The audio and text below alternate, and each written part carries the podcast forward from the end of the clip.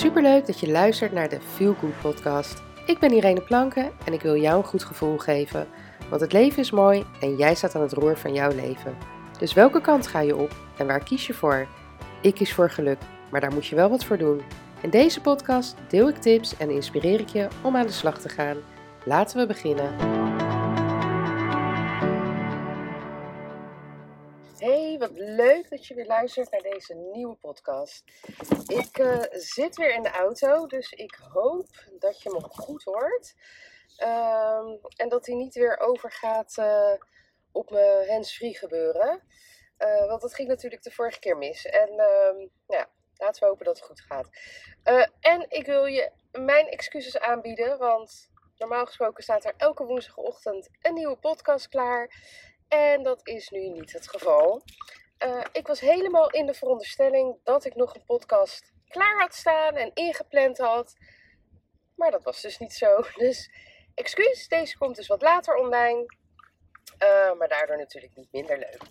Uh, maar niet netjes van mij. Want als ik beloof dat ik iedere woensdag een nieuwe podcast online zet, dan moet ik dat natuurlijk gewoon doen. Um, maar waar wil ik het vandaag over hebben? Nou, allereerst hoop ik natuurlijk dat het goed met je gaat. En waar ik het over wil hebben is uh, het volgende. Ik heb al een eerdere podcast opgenomen. Ik weet uit mijn hoofd niet welk nummer het is, dus dat zou je even terug moeten kijken.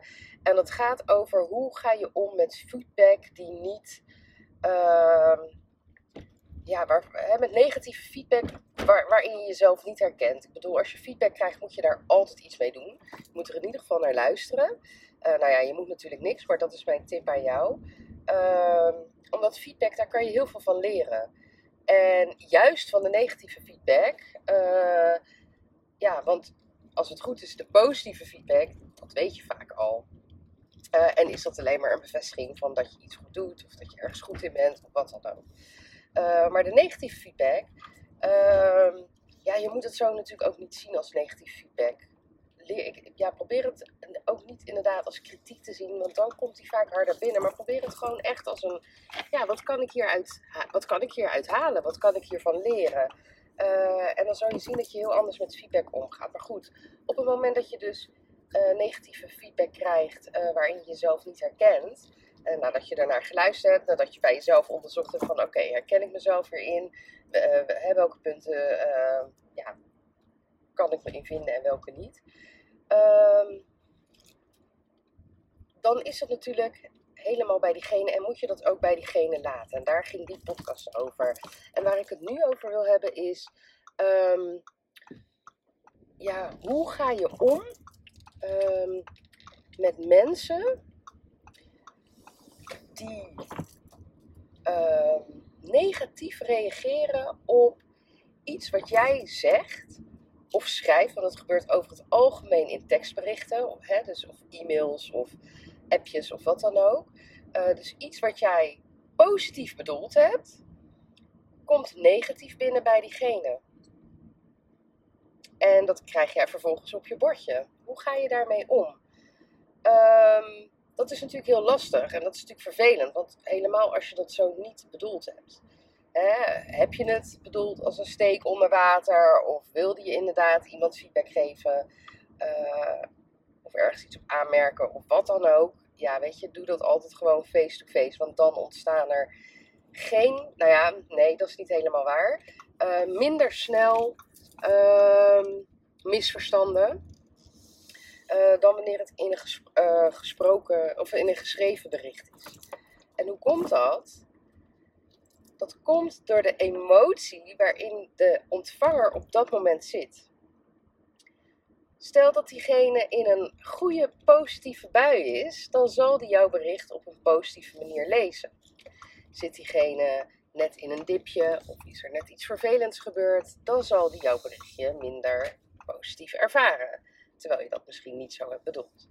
Heb jij de laatste keer dat jij die persoon zag, uh, nou ja, woorden met diegene gehad, of is, was dat niet een heel leuk gesprek, dan zal diegene ook negatief dat berichtje lezen. Hè? Dus de manier hoe diegene het berichtje ontvangt, ja, dat is niet aan jou. Kijk, tenzij je echt een bericht stuurt met hé, hey, klootzak en uh, bla bla bla ja, dan is het natuurlijk een ander verhaal. Maar stuur jij een berichtje waarin je bijvoorbeeld een vraag stelt.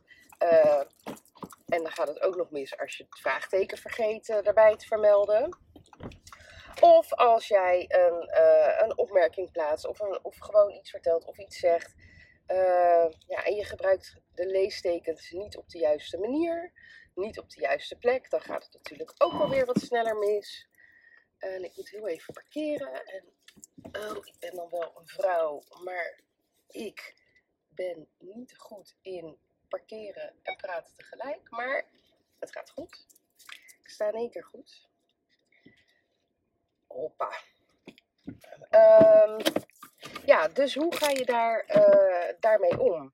Uh, nou ja, weet je, altijd praten erover met elkaar. Uh, op het moment dat jij merkt dat, dat hè, vooral mijn tekstbericht, dat dit op een negatieve manier bij iemand is binnengekomen, uh, ja, praat erover. Bel diegene op. Uh, of zeg meteen van, joh, weet je, ik, ik heb het niet zo bedoeld. Uh, kan ik je bellen? Of we hebben het er later even over. Uh, maar spreek het uit, want het kan gewoon heel veel ja, misverstanden opleveren. Maar ook op het moment dat jij een gesprek met iemand hebt. En ja, daar moet even de waarheid gezegd worden. En het is nou eenmaal zo, ik ben iemand die heel direct is. ik, ik draai er niet omheen. En niet iedereen kan daar tegen. En jarenlang, vooral toen ik jonger was, heb ik mezelf, heb ik, ja, heb ik mezelf dat altijd verweten. En heb ik geprobeerd om uh, dat anders te doen. Om ja, een beetje eromheen te gaan draaien en met andere woorden. En natuurlijk, weet je, je benadert iedereen natuurlijk op een andere manier. Uh, als ik het voorbeeld neem aan mijn kinderen, ik weet dat ik tegen het ene kind hoef ik echt niet mijn stem te verheffen. Uh, en, en de ander heeft dat soms gewoon nodig. Hè? Dus dat, uh, om daar een voorbeeld in te geven, hè, daar zit natuurlijk wel een bepaalde nuance in. Want je gaat natuurlijk, elk contact dat je hebt is anders en je gaat op een andere manier met elkaar om.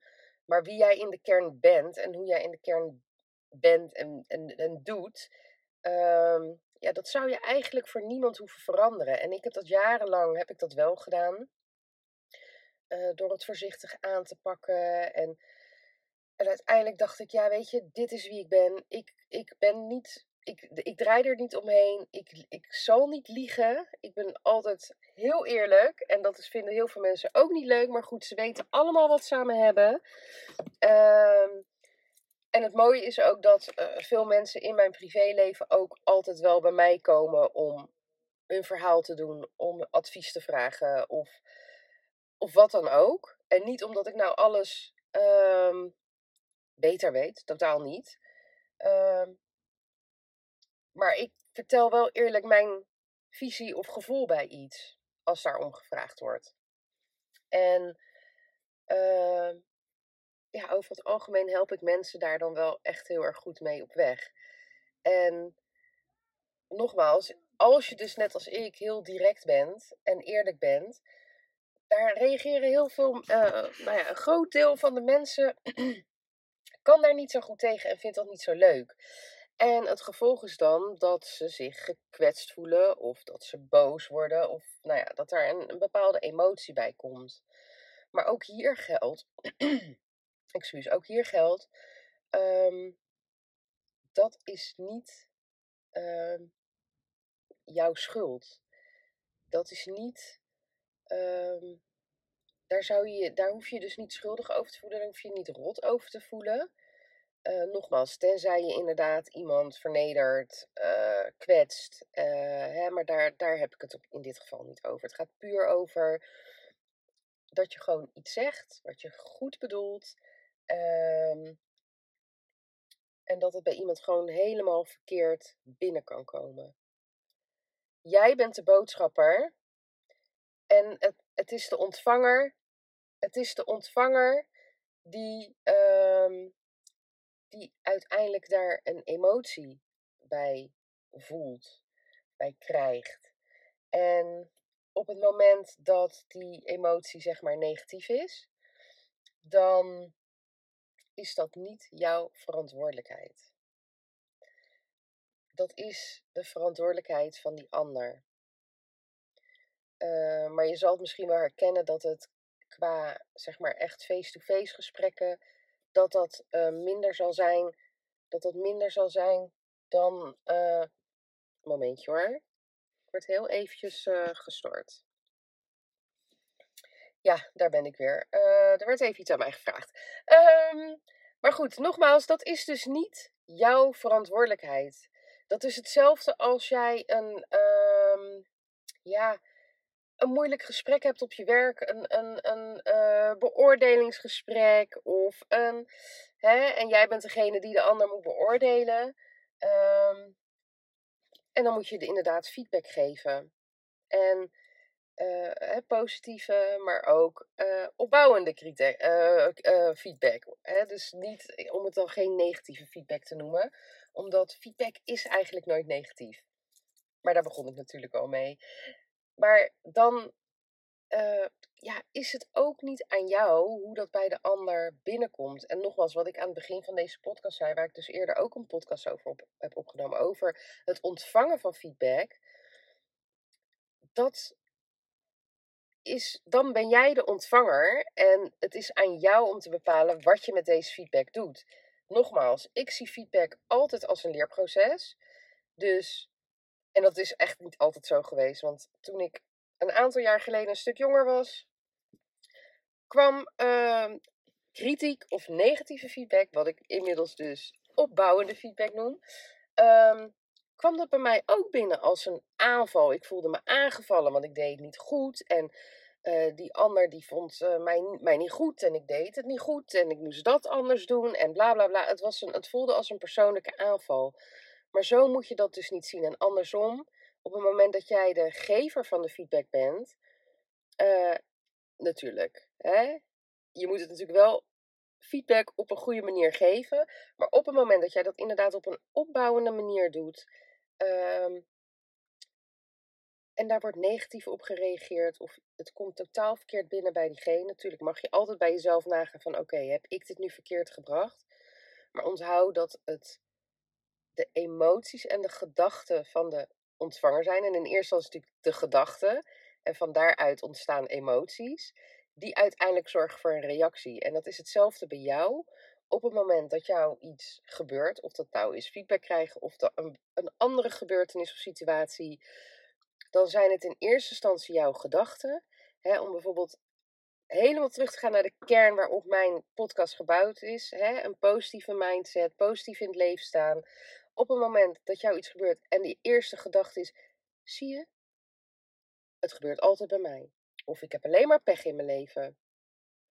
Dan komt daar een emotie bij vervolgens. Nou, die emotie zal teleurstelling, boosheid, verdriet, noem het maar op zijn. Uh, waardoor jij dus met een heel naar gevoel blijft zitten en op die manier nog meer ellende naar je toe trekt. Op het moment dat jou iets gebeurt en je denkt, ja shit man, waarom gebeurt dit nou? Hè? Nou ja, volgende keer beter. Of, nou, hoe kan ik dit uh, oplossen? Kan ik dit oplossen? Heb ik hier hulp bij nodig? en je gaat er op een positieve manier mee om, dan zal je dat probleem ook heel veel sneller los kunnen laten. Veel sneller positief naar kunnen kijken en weer vooruit zou kunnen kijken. In plaats te blijven hangen in het gevoel van: mij gebeurt altijd iets, ik trek het negatieve aan en bladibladibla. En dat is, ik, volgens mij is het echt een super verhaal. Maar waar het dus in de kern om gaat, op het moment, hè, de vorige podcast over feedback ging wat als jij de ontvanger bent van feedback waarin je je niet herkent? En hier gaat het er eigenlijk om wat als jij de gever van feedback bent. In wat voor vorm dan ook, op wat voor manier dan ook. En daar wordt op een negatieve manier op gereageerd.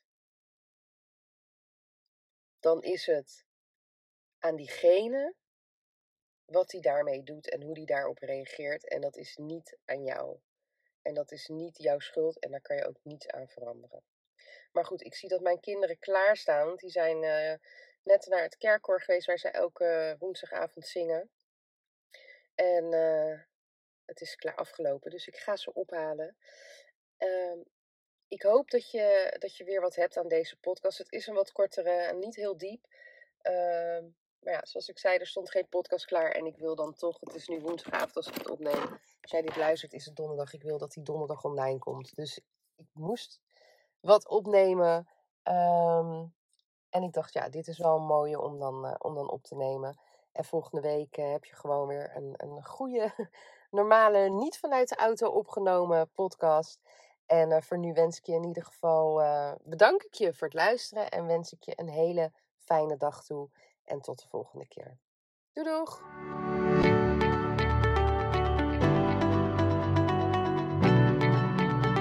Dankjewel voor het luisteren naar de Feel Good podcast. En heb ik je kunnen inspireren? Maak een screenshot en tag me op Instagram Stories, zodat nog meer mensen mijn podcast gaan luisteren. En vergeet ook niet de podcast te volgen, zodat je nooit meer een aflevering mist. Tot de volgende keer. Doeg!